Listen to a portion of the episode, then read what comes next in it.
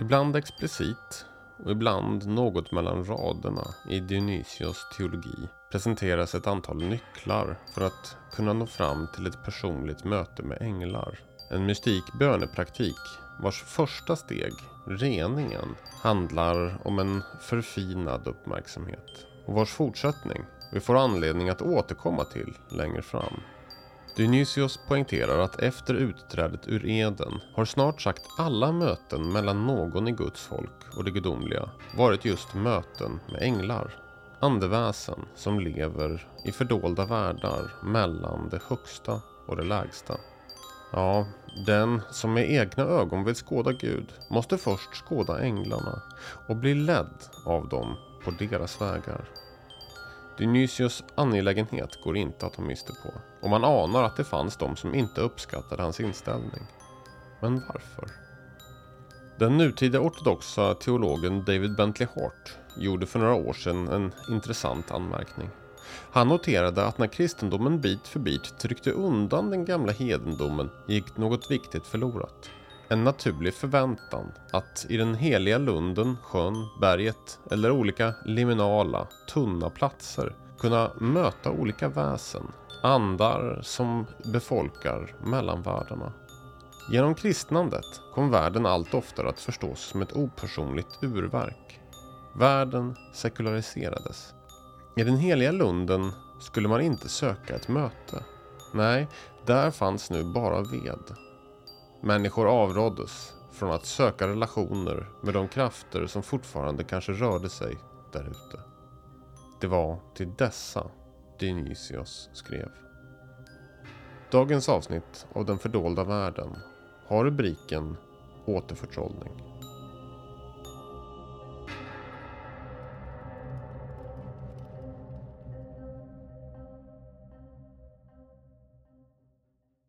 I de himmelska hierarkierna så skriver Dionysius så här om änglarna. Änglarna skådar på ett transcendent sätt den gudomliga urbilden, anstränger sig att gestalta dess form och får då naturligen rik gemenskap med gudomen. De strävar ständigt att stiga uppåt så långt det är tillåtet. Med den gudomliga och orubbliga kärlekens intensitet. Eftersom de intuitivt och helhjärtat tar emot det ursprungliga ljuset och etablerar sig hos det i ett alltigenom andligt liv. Dessa är alltså de som i första hand och på många sätt blir delaktiga i det som är gudomligt och som också i första hand och på många sätt uppenbarar det gudomliga mysteriet. De har därför aktats värdiga mer än alla andra att kallas änglar. Det är ju de som i första hand tar emot den gudomliga uppenbarelsen. Och det är genom dem som den uppenbarelse som är så mycket högre än oss förmedlas till oss. Lagen gavs oss nämligen, som skriften säger, genom änglar. Och det var änglar som både före och efter det att lagen hade getts, som lyfte våra vördade fäder upp till det gudomliga. De föreskrev vad de skulle göra. De ledde dem från villfarelsens och det världsliga livets väg till sanningens raka väg. De uttalade och förklarade heliga ordningar, dunkla syner av transcendenta mysterier och gudomliga förutsägelser. Här hittar vi alltså en nästan eh, grundförklaring hos eh, Dionysius. Den bibliska historien är en berättelse om människors möten med änglar. De finns med överallt. Det är de som ligger bakom att människan fick lagen. Det kan ju någon studsa till på. Men det är faktiskt någonting som också Paulus säger. De har lyft människan upp från villfarelsen. Det världsliga livets väg. De har också gett människor en möjlighet att stiga in i himmelska sfärer.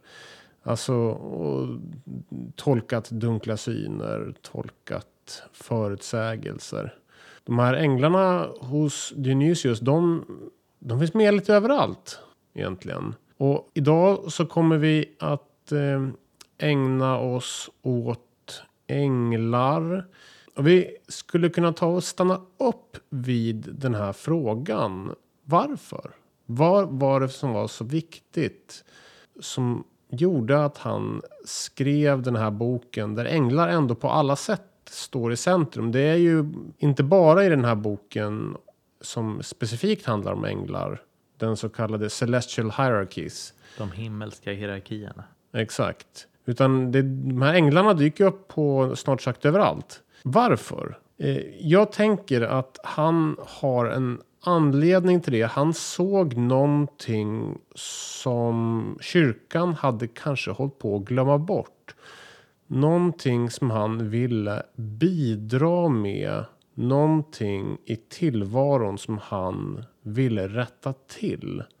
Kanske höll människor på den här tiden på att glömma bort änglarna. För ett tag sedan så tog du och skickade med en artikel av David Bentley Hart. Ah, man kanske skulle kunna anknyta till den bara för att få en ingång i det här ämnet. Eh, David Bentley Hart, alltså han är en eh, ortodox teolog. Han skriver en artikel i en tidskrift som heter First Things. Och där så har han ett långt resonemang som går ut på att världen, kristendomen egentligen, har varit med och avförtrollat världen. Och faktiskt sekulariserat världen. Mm. Och han ringar in en av lösningarna är kanske att börja tänka på änglarna igen. Precis. Man kan ju börja med att tillägga så här att när vi tänker änglar så är ju det, vad ska vi säga, det är det som ligger mellan Gud och människan. De är himmelska, men de är också skapade. De är nära Gud, men ändå inte Gud. Och jag, och jag tänker att eh, religionshistoriskt så kan man ju koppla det här till att en gång i tiden så trodde nästan alla folk på massor av gudar.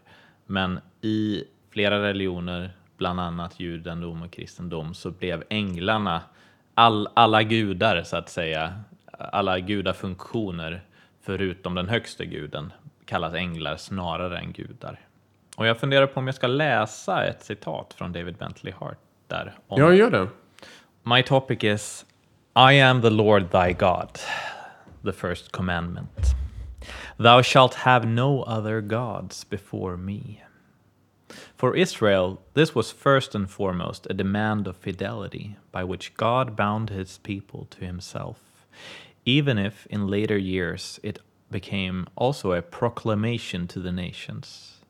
To Christians, however, was indissolubly bound to Christ. As such, it was not simply a prohibition of foreign cults, but a call to arms, an assault upon the antique order of the heavens, a declaration of war upon the gods. All the world was to be evangelized and baptized, all idols torn down, all worship given over to the one God who in these latter days had sent his Son into the world for our salvation. It was a long and sometimes terrible conflict, occasionally exacting a fearful price in martyrs' blood. But it was, by any just estimate, a victory. The temples of Zeus and Isis alike were finally deserted. The paean and the dithyramb ceased to be sung. Altars were bereft of their sacrifices. The sibyls fell silent, and ultimately, all the glory, nobility, and cruelty of the ancient world lay supine at the feet of Christ the Conqueror.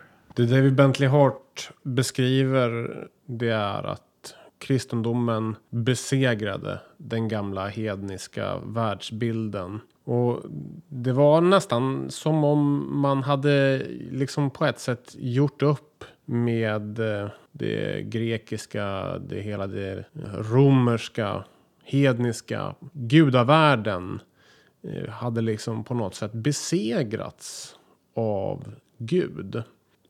Eh, om man liksom går tillbaka till den här gamla hedniska världsbilden så får man ju tänka sig att det här är alltså en värld där eh, det finns gudar överallt. Varje dag har en gud. Varje månad har en gud. Faktum är att vi har ju dem kvar. Om man bara tänker efter lite grann så märker vi ju att de här namnen på dagarna och månaderna, de har vi ju kvar faktiskt. Vi har, så att vi har ju inte rensat ut själva namnen, men vi tror inte längre Eh, vi uppfattar inte längre att dagarna har ett ansikte, att månaderna har ett ansikte, trots att de heter saker som Tors dag. Odens dag. De gamla hedniska gudarna lever kvar bara i, i som en sorts skugga i våra dagar. Eh, men det är inte bara dagar och månader, utan eh, det är ju egentligen snart sagt allting som har en gud. Man förväntades ha en eh, gud i hemmet, en husgud. På svenska skulle vi ju säga att man hade en tomte. Alltså för att tomtens ande är ju en tomte. Ah. Ja, det där är en lite kul grej faktiskt. Så tomtens ande. Sen så likadant så hade de ju väsen kopplat till heliga platser. Lundar, badplatser, platser där man fiskade. När man skulle göra resor så hade, visste man om att det fanns en eh, ande kopplad, eller en gud kopplad till vattnet. Släkten hade en ande. Staden. Det fanns så att säga andar, gudar snart sagt överallt. Och varenda gud och varenda ande är ju ett ansikte. Är en person. Är någon man kan avbilda, se man får liksom tänka sig den gamla hedniska världen fylld av små heliga platser. Och så kommer kristendomen och liksom gör rent hus på något sätt. Och det gör ju på något sätt också att hela världen blir sekulariserad. För om det var tidigare så att världen bestod av ansikten kopplade till gudar och kristendomen tog bort dem där så innebär ju det att den gudomliga kopplingen till den lokala lunden inte finns längre. Lunden blir bara ett träd. En bunt med ved. Och de kan huggas ner. Och man kan borra djupt ner i marken efter olja. Man kan ta upp och göra sådana här brott i berget. Och ta upp alla möjliga saker ur det. För ingen är längre rädd att det finns troll där heller det finns någonting som händer med kristendomen i relation till världen. Världen blir ett sorts urverk skapat av Gud. Men Gud är långt borta. Finns inte närvarande i världen. I bästa fall så kan man se skaparens avsikt. Är det inte ändå så att den här tendensen som vi kanske idag ser i dess mest renodlade form inte riktigt tar den formen från början. Jag tänker, ja, Bonifatius när han kom till Nordtyskland så högg han ner den heliga eken, den heliga lunden. Men sen börjar en vördnad av den helige Bonifatius. Eh, man har eh, såna här, eh, man reser istället en staty av Bonifatius. Ja, och man får pilgrimsfärder till Bonifatius heliga plats och man kanske har reliker. Och någon kanske 200 år senare hittar en ny relik och säljer den dyrt eller sådär. Och man fyller på igen. Kommer du från en familj där man uppmärksammar namnsdagar?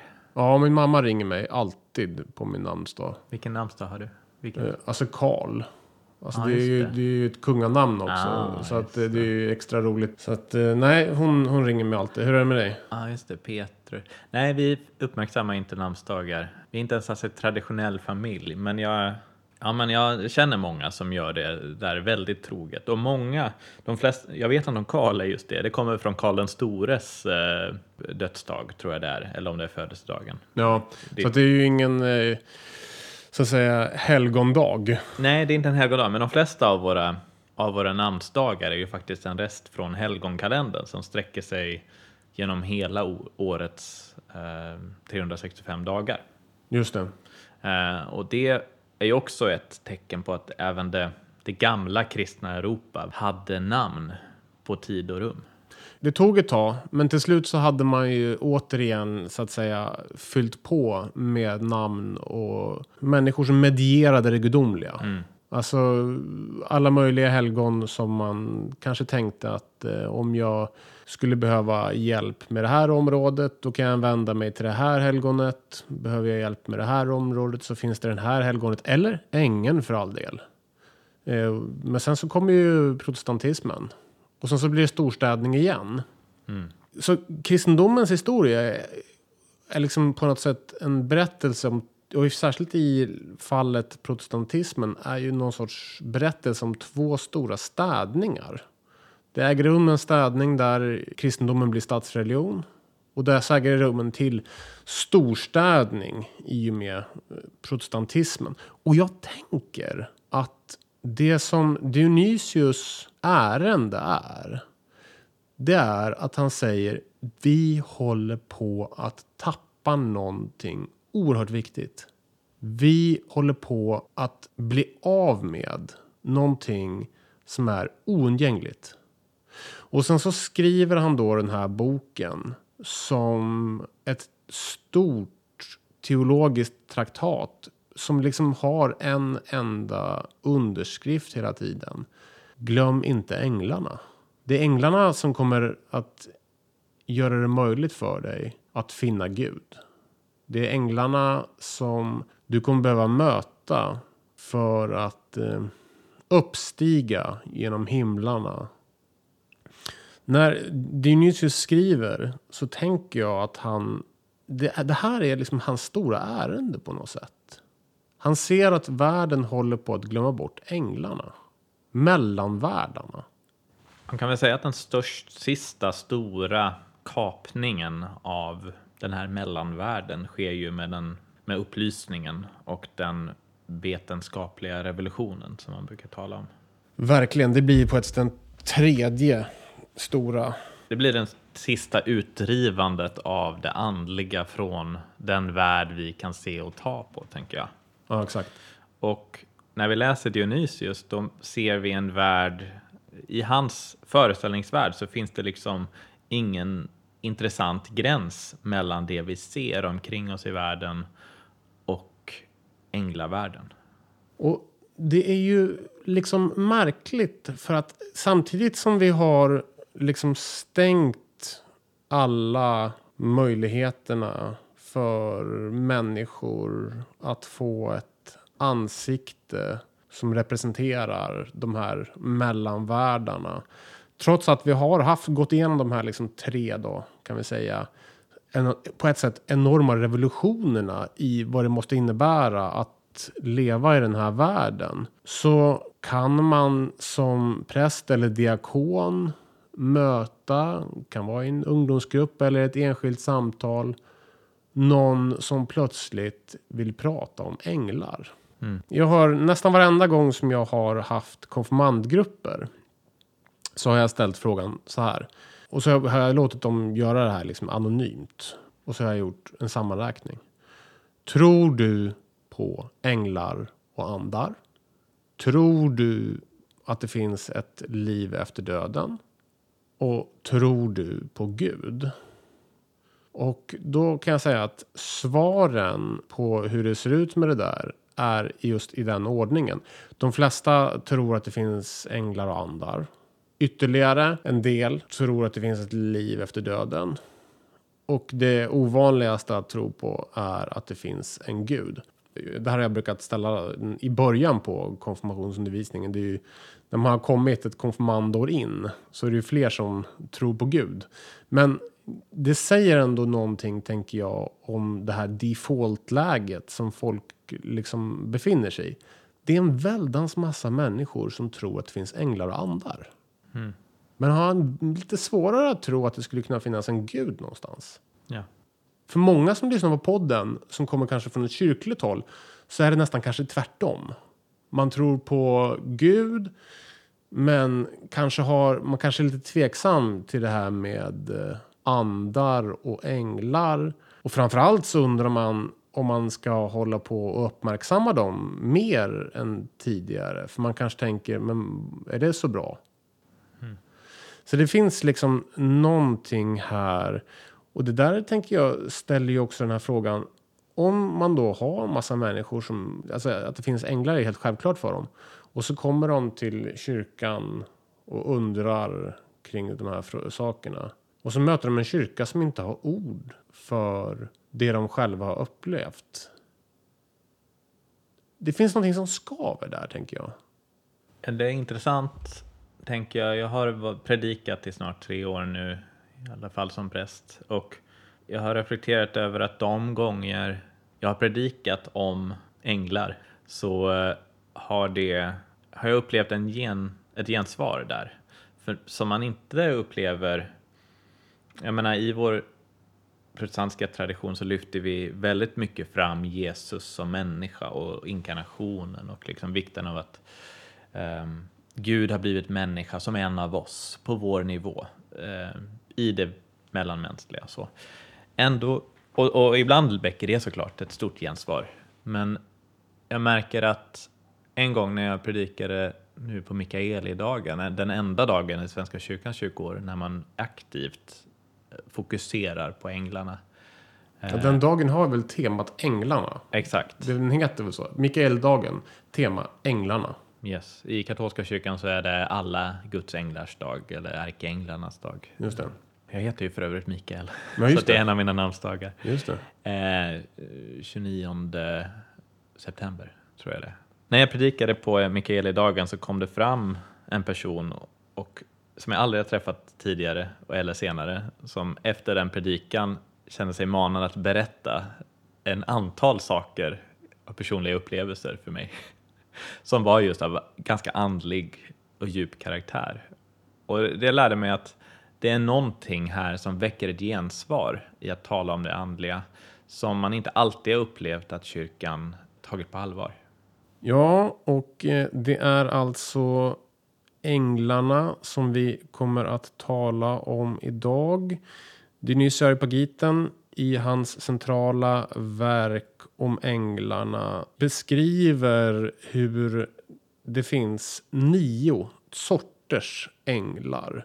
Och de här nio sorternas änglar de hänger ihop i eh, tre gånger tre grupper. Alltså det är tre gånger tre grupper grupper av änglar. Och jag tänker vi kan väl ta och läsa vilka de här tre stycken så kallade triaderna. I de här tre kretsarna och så börjar jag uppifrån då. I den högsta rangen så talar han om serafer, keruber och troner. Och sen kommer i den mellersta herravälden, makter och krafter. Och i den lägsta så talar han om härskare, ärkeänglar och änglar.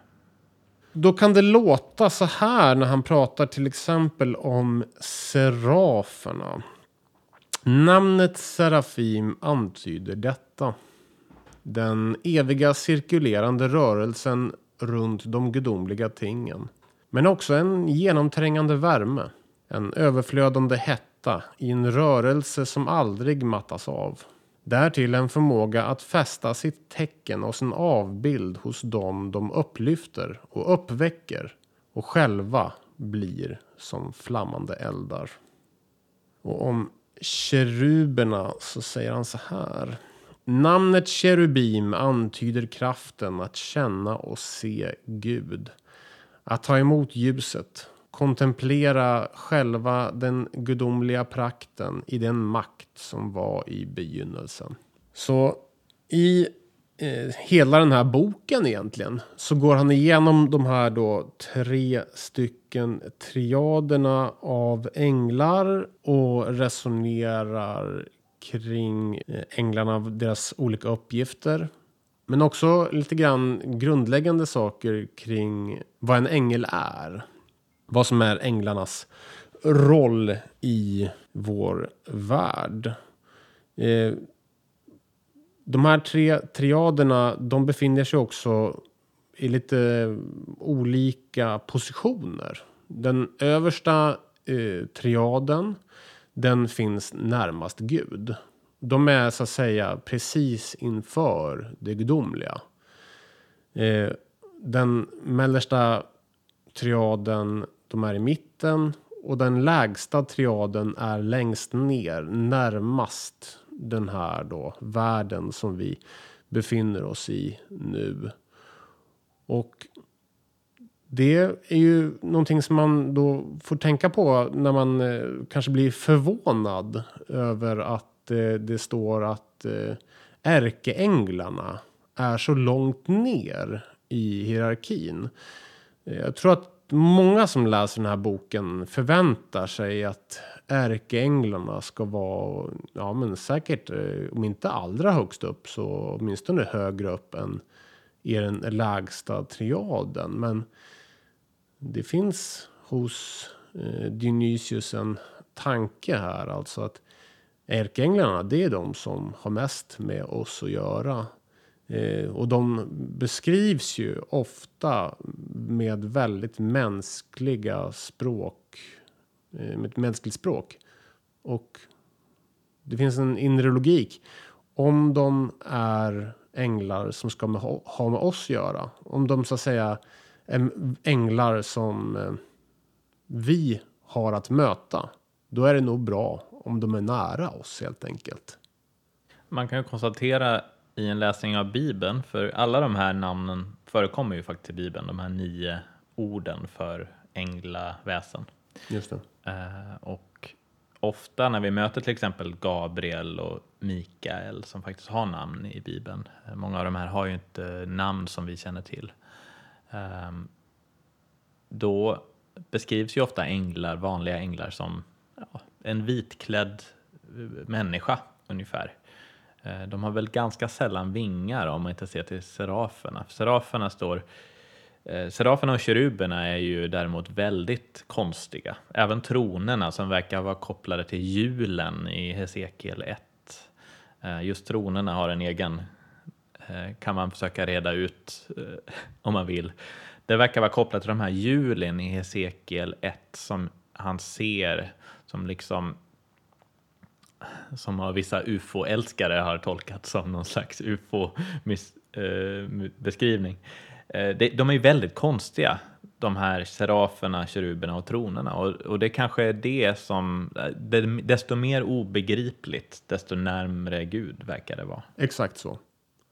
Det finns en, det finns en inre logik i att de konstigaste änglarna är längst bort. Helt enkelt för att Gud är ju väldigt märklig och långt borta. Eh, sen så har han också ett intressant eh, resonemang om det faktum att många änglar beskrivs med ord som hämtas från till exempel djurriket. Och det där är ganska intressant för han, eh, han säger liksom så här att i de ord som används om änglar är orden sammansatta på ett sånt sätt så att de är så att säga inkongruenta. Alltså de pekar i olika riktningar. Snarare än att vara någonting som pekar i samma riktning. Och det där liksom tolkar han då på ett mystikt sätt så att det hjälper oss att inte tro att vi kan fånga vad ängen är med våra tankar. Att det hjälper oss så att säga att inse att vi kan inte greppa tag med vårt tänkande i vad ängen är för någonting.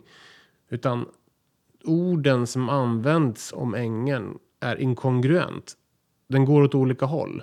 Beskrivningarna som finns i det bibliska materialet av änglarna i sig själv också är tänkt att på ett märkligt sätt vägleda oss att faktiskt möta dem.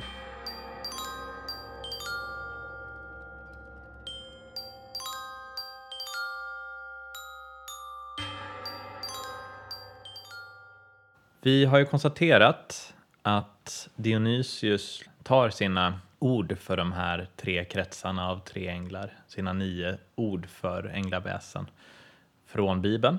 Och många av dem finns ju i eh, en Paulus-text som vi redan har citerat. Kolosserbrevet 1, där han talar om troner, herravälden, härskare och makter.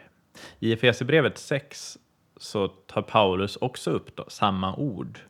Eh, härskare, makter och herravälden. Jag läser ur Efesierbrevet 6.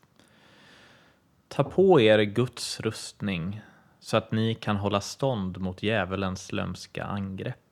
Ty det är inte mot varelser av kött och blod vi har att kämpa, utan mot härskarna, mot makterna, mot herrarna över denna mörkrets värld, mot ondskans andekrafter i himlarymderna.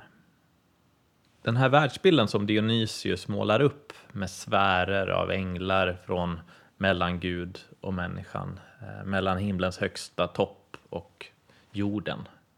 Den beskrivs ju på ett liknande sätt i antika och senantika eh, texter av alla möjliga slag och i flera olika varianter. Men det finns ju ett särskilt stråk hos inte minst Paulus och andra apokalyptiska judiska författare som upplever att den här hierarkin, den här ordningen i himlavärlden på något sätt har rubbats.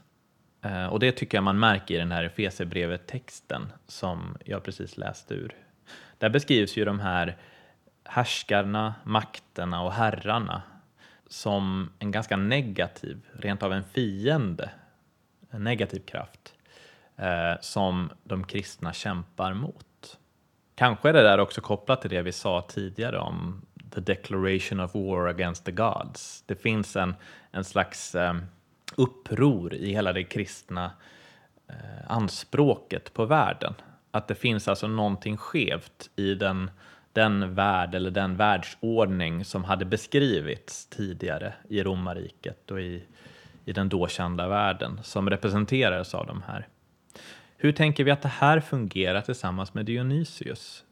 Vi har ju sagt tidigare att Dionysius har en väldigt ljus vision av världen. Hans änglatrappa stiger hela vägen från jorden upp till änglarna, upp till seraferna längst upp och de cirklar runt Gud. Och dessa änglar är alltigenom ljusa hos Dionysius medan Paulus, hans läromästare, enligt hans eget sätt att säga, beskriva det. Eh, Paulus har inte en riktigt lika enkel bild av den där himlastegen. Ja, det här är ju verkligen en eh, sak som slår en om man läser Paulus och Dionysius bredvid varandra. Om man läser Paulus så är han sur på de här eh, mellanvärldarna. Men han är också sur på kroppen. På många ställen så när man läser Paulus så pr pratar han med ganska negativa termer om den fysiska kroppen och sådär. Och idag i kyrkan så har vi liksom på något sätt vant oss vid att han pratar på det där sättet. Och vi liksom tänker bort det lite grann. För att vi vet ju om att hela kristendomen handlar ju om att Gud har blivit människa. Så att kroppen vet vi ju om är inte dålig. Och liksom Paulus brottning med kroppen och det som han vill på ett sätt transcendera bort i sin upplevelse av tillvaron. Och hela hans liksom inre kamp med att vara i någon mening bunden av kroppen. Samma upplevelse av bundenhet tänker jag att han redogör för när han pratar om de här mellanlagren. Det är som att han inte riktigt har landat i teologi som på ett helt oproblematiskt sätt kan säga kroppen, utmärkt, jättebra. Utan han vill fortfarande liksom så att säga peta i att det finns massor med saker som behöver transcenderas. Och de benämner han med ord som har att göra med kroppen.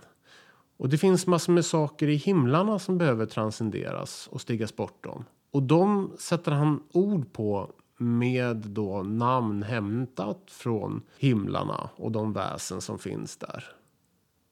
Men hos Dionysius så finns det inga som helst problem med kroppen. Och det finns inga problem med de här mellanlagren.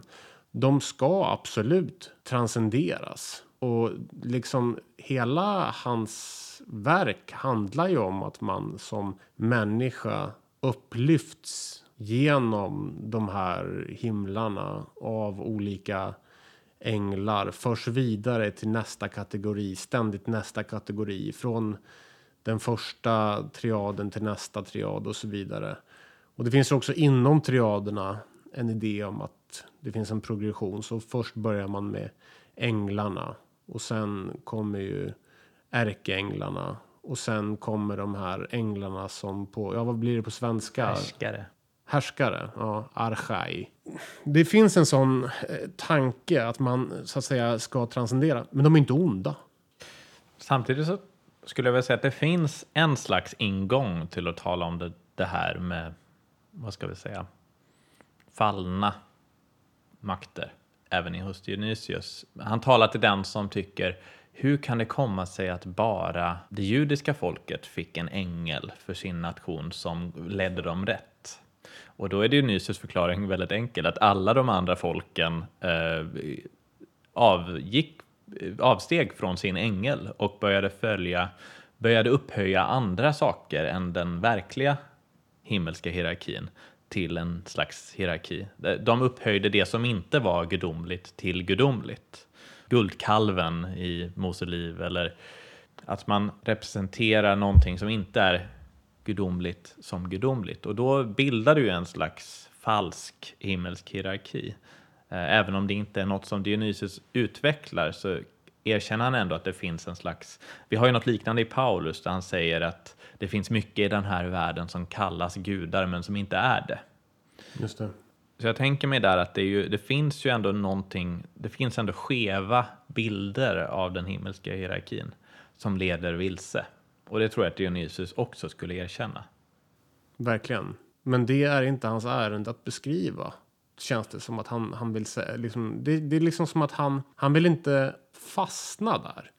Eh, det finns gott om eh, andra texter som är mer, hur ska vi säga, balanserade. På ett sätt, det kan, man skulle ju verkligen kunna ta och kritisera Dionysius för att inte vara balanserad. Eh, det finns andra som är mer balanserade och det finns även de ju som är balanserade åt helt det andra hållet. Om man tänker till exempel på tullhustraditionen eh, så är det ju bara onda makter som man stiger upp genom. Där är ju tanken då att du har eh, din heliga skyddsängel vägleder dig upp genom, ja, det är lite olika, men ofta är det 24, kan också vara 26 stycken så kallade tullhus som då korresponderar med olika aspekter utav tillvaron och som låser fast dig. Och det finns ju, de där traditionerna har ju utvecklats under väldigt lång tid. Men själva grundpremissen är ju någonting i stil med att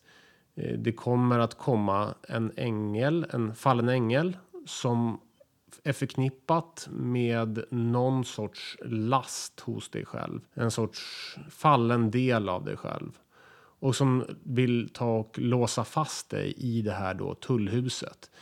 Och det enda sättet för dig att komma vidare det är liksom att släppa taget om den här aspekten av dig själv. Så till exempel om det är så man kan tänka sig man har bristande ödmjukhet och ett stort högmod så kanske det kommer en demon som säger så här men vet du vad? Vad trevligt att du har kommit hit. Här tycker vi väldigt mycket om dig. Du är ju den bästa personen i verkligheten. Du, du, du är helt, helt fantastisk egentligen. Vad glad vi är att ha dig här. Stanna hos oss. Du är en sån fantastisk person. Och då gäller det så att säga att lyssna på sin då skyddsängel som säger de ljuger. Var ödmjuk och stig ut ur den här sfären som försöker fånga dig i, den, eh, i det kristna Europa, den medeltida kristna Europa, så hade vi ju representerat egentligen människans sju eh, dödssynder eller sju laster eller kardinalsynder respektive de sju eh, eh, dygderna, kardinaldygderna som sju stycken mot varandra, varandras spegelbilder i det etiska livet, det andliga livet och de representeras ju ofta av just antingen sju änglar för dygderna och sju stycken demoner för lasterna. Så att det där har ju ofta, där kan man ju tala om att vi har jobbat med båda de här hierarkierna i kyrkans historia. Och där är ju just högmodets eh, demon, så att säga, högst upp på den där trappan av liksom det som, den som, har man besegrat de andra synderna så, så kan man falla där och så vidare. Det finns en slags eh, parallellism här mellan två hierarkier. Men här, som sagt, Dionysius fokuserar bara på den eh, himmelska hierarkin. Hierarkin så som den ser ut i Guds rike. Det som Dionysius beskriver är den hierarki där allting redan är klart. Mm. Om man tänker sig att det finns två världar. En värld, den gamla Adams värld. Människan har ordnat sin tillvaro enligt sina egna drivkrafter och motivationer. Som en sorts värld där man är inkrökt i sig själv. Och en annan värld där Gud är allt överallt. Himmel och jord är förenade. Världen är återlöst, så att säga indraget i den gudomliga ordningen. Och de här två världarna på ett sätt så är det som att Dionysius han beskriver den himmelska världen. Samtidigt så saknar han ju inte ord för att beskriva att eh, det pågår eller ska pågå en sorts uppstigande. Eh, han pratar om att de här tre triaderna av änglar är förknippat med tre stycken olika processer. Rening, upplysning och perfektion. Så att människan dras upp genom de här himlasfärerna av änglarna renas, upplyses och ingår i en sorts perfektion. Och perfektionen är ju gudomliggörelsen. Det är det som den innebär. För det är ju, i den så att säga, högsta triaden så är man inför Gud.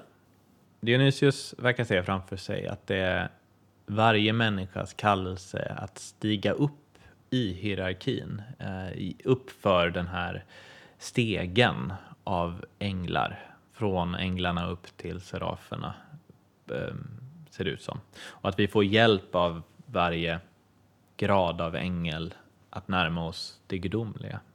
Vad handlar det där om egentligen? Handlar det om att komma längre och längre bort från världen eller från jorden och att liksom och aldrig mer tillbaka gå?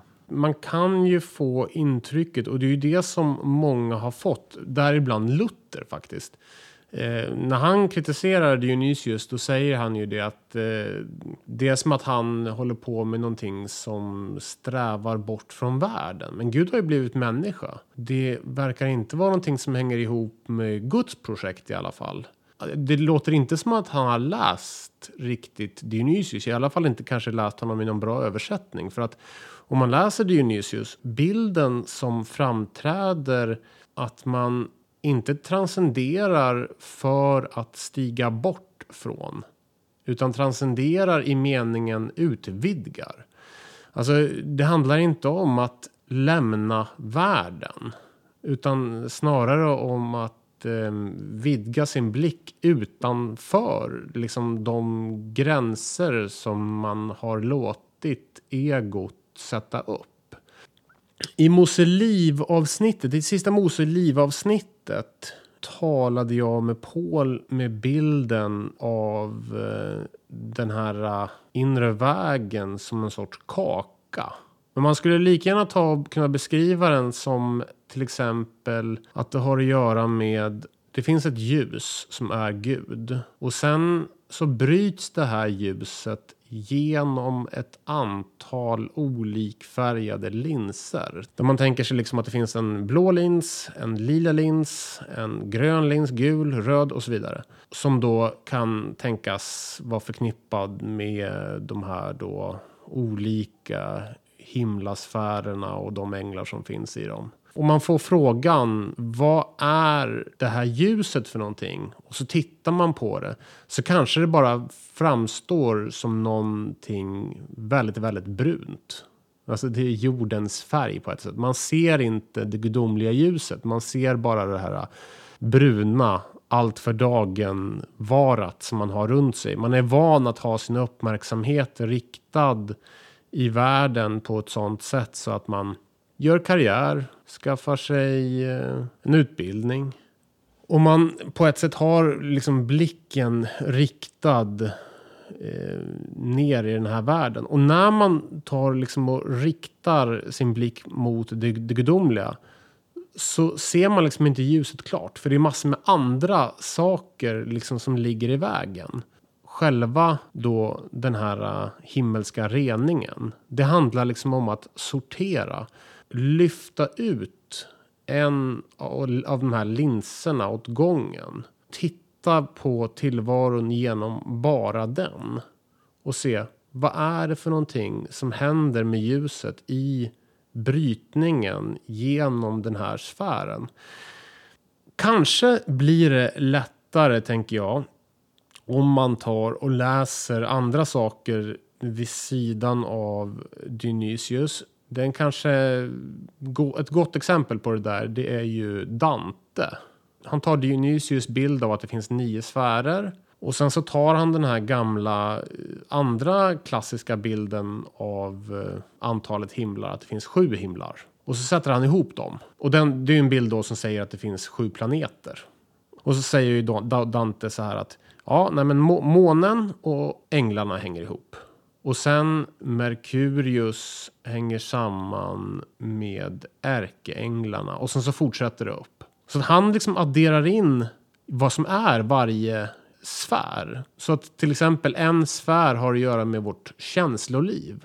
En sfär har att göra med vad drömmer du om? En sfär har att göra med vad är du arg på? Vad, vad är det i dig? Hur, hur ser dina tankar ut om tillvaron och så vidare? Och liksom bara bena ut vad är de här olika delarna som är jag? Och liksom ta och separera dem från varandra titta på var och en separat, medvetandegöra dem, se hur det gudomliga lyset, ljuset lyser genom var och en av dem. Och därigenom få syn på ljuset på ett sånt sätt så att man kan se det helt oberoende av de här ljuslinserna, de här linserna. Så att man kan liksom bara lyfta upp dem och liksom bara blicka in i ljuset. Det är samma ljus som finns överallt, men bara för att få syn på det. Det är, liksom, det, är det som gör överhuvudtaget att vi kan sitta och titta på varandra just nu här och prata med varandra. Det är liksom, vi har del i Guds närvaro. Liksom, bara det faktum att vi sitter här är ju, vi har del i Gud, bara genom det. Men det kan bli otydligt för oss. Jag tyckte att det var intressant. Jag hade, när jag läste Dionysius, en fråga hela tiden om så här, betyder det här att den här, att det är någon slags rulltrappa upp till Gud där man ska liksom, när man tänker sig ett så här eh, en fabrik med sådana här rullband där det, där det läggs på, man bygger någon leksak eller någonting och så sätter den på bit efter bit och sen så formas man till samma, samma typ av varelse när man når slutmålet ungefär. Det, det finns vissa beskrivningar av liksom vad det andliga livet och eh, människans slutmål är som ibland jag tycker låter så. Det, ibland har det varit att jag missförstått något, men jag, ibland tycker jag att det nästan låter så, som att vi ska tappa all vår personlighet till exempel. Att det finns ingen skillnad mellan Karl och Peter när vi har kommit till himlen, liksom, när vi har närmat oss Gud ordentligt. Men då hittade jag det här stället i eh, slutet, eh, i en slags sammanfattande del av de himmelska hierarkierna, kapitel 10. Varje himmelskt, såväl som mänskligt intellekt, var för sig har sina egna första, mellersta och lägsta ordningar och krafter. Alltså motsvarande de här tre ordningarna av änglar som Dionysius beskriver. Dessa ordningar och krafter manifesterar sig på ett unikt sätt i varje enskilt uppstigande som jag har omnämnt, motsvarande vars och ens hierarkiska upplysning. Under dessa uppstigande blir var och en, så långt det är tillåtet och möjligt, delaktig i den mer än rena renheten, det mer än fulla ljuset och fulländningen bortom all fulländning. När jag läser de där raderna så tycker jag att det ger en bild av något väldigt vackert, nämligen hur varje människa, varje eh, själ har liksom sin form och sin liksom rikedom av olika olika liksom behållare i oss som kan ta emot av det gudomliga ljuset i dess många olika former. Liksom. Och att eh, det är det jag tänker att till exempel helgonen representerar i den kyrkans tradition. Att Franciscus av Assisi till exempel blir som ett exempel på någon som lever ett liv i solidaritet, fattigdom, eh, kärlek, eh, inte minst i skapelsen. Medan ett annat helgon representerar en annan sida av vad det är att bli uppfylld av Gud. Att liksom varje själ har sin mening i Guds tanke. Ja, men verkligen. Även om vi består av samma saker. Alltså, det finns ju den här tanken som är helt genomgående i Dionysius tankevärld och som vi möter på andra ställen där att människan är ett mikrokosmos. Människan till skillnad från änglarna består av allt som finns i världen. Om himlarna och jorden därtill är som en sorts kosmiskt liksom piano där det finns liksom de här allra mest mörka tonerna och de allra ljusaste tonerna. Liksom de allra mörkaste i meningen mest fysiska, mest liksom jordiska tonerna. Och de allra mest himmelska tonerna som är liksom de här mest kanske serafiska, kerubiska tonerna som är liksom allra, allra närmast Gud liksom. Dionysius perspektiv det är ju liksom att eh, det finns änglar som är på lite olika delar av det här stora pianot. Och det unika med människan Människan består av hela pianot. Vi är liksom ett mikrokosmos eller då ett makrokosmos beroende på hur man ser på det. Det är det här med att eh, det finns, vi är så stora just eftersom vi är, vi har gudslikheten i oss så att man kan nästan tala oss om oss som ett makrokosmos. Men det är inte så att varenda en av oss är ett identiskt piano. Eller framförallt inte att det är tänkt att vi ska spela samma melodi. Tillsammans med alla varelser i världen, varenda ängel, varenda varelse, så ska vi delta i en harmoni. Vad tror du det är som människor som gör att människor längtar efter att höra om änglarna i vårt samhälle idag? Ja, det skulle vi kanske avslutningsvis fundera på. Eh, du berättade tidigare om en upplevelse som du hade när du var liten. Mm. Det här är en upplevelse som jag har glömt 100 procent, ja. men som jag har hört från mina föräldrar. Att när jag var kanske tre, fyra år där någonstans. Så eh, sov jag i rummet, i ett annat rum än mina föräldrar. Eh, men eh, jag var ganska mörkrädd som barn också. Och jag tror att jag mitt i natten ropar på mina föräldrar efter liksom kom och hjälp mig så, det är något läskigt här. Och när de kommer in i rummet då så är jag alldeles lugn och säger nej, nu är det lugnt, ni kan gå och lägga er igen. Och så bara, Jaha, men du var ju nyss jätteupprörd och ledsen. Ja, men nu är det änglar här i rummet och jag ser, de står här bredvid er, en gul, en grön och en blå. Eh, så det är lugnt nu, ni kan gå och lägga er igen. Och jag har tänkt på den där upplevelsen i samband med det Jesus säger om barn i evangelierna. Att lärjungarna visar bort barnen från Jesus och tänker att nej, nej, det är bara vuxna och eh, de som har lärt sig eh, intellektuellt allt, rabbi, rabbi, alla rabbinens bud, liksom, som kan ta till sig av Guds rike, som kan se Guds rike och komma in där. Men att Jesus säger åt lärjungarna, ni har missförstått allting. Barnen är de som visar vägen. Det är barnen som ser det som ni inte ser. Och det, vi måste likna dem.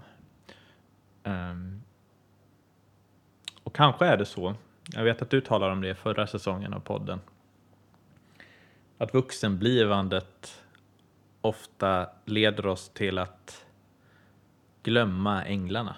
Ja, det tror jag, jag tror du har precis ringat in vad det hela handlar om.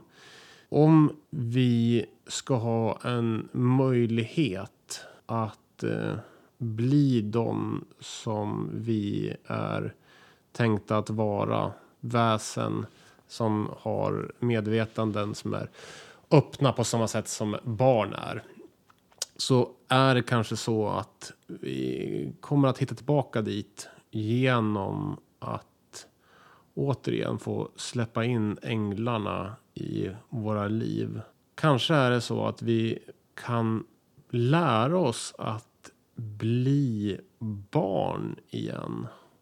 Kanske är det liksom inte så att vi behöver bli barn först för att kunna se änglar, utan kanske kan vi ta och säga till oss själva. Jag vill lära mig uppleva och möta änglar och kanske kommer det hjälpa oss att instiga i och öppna upp dörrar i vårt medvetande som har liksom stängts under vårt vuxenblivande. Eh, hos franciskanerna så finns det tycker jag ett eh, intressant motiv som jag tänker att man kanske kan ta med sig som en eh, bara en sorts ingångsövning.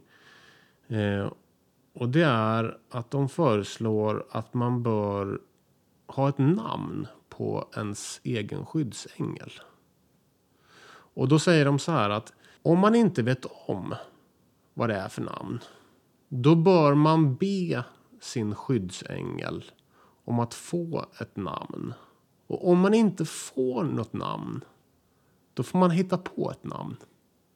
Och sen fortsätta att så att säga i sin, sitt böneliv, kanske vid sänggåendet, bara ägna en stund och nämna den här skyddsängelns namn och be att den ska få vara med en och vägleda en. Inte bara till drömmar och under natten utan under vardagen. Kanske kan det vara ett sätt att med änglarnas vänskap börja öppna upp dörrar som vår kultur, vårt samhälle, vi själva i vårt vuxenblivande har stängt.